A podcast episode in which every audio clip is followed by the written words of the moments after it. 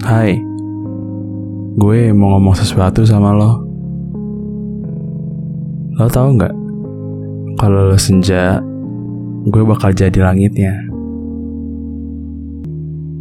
Tahu nggak kenapa?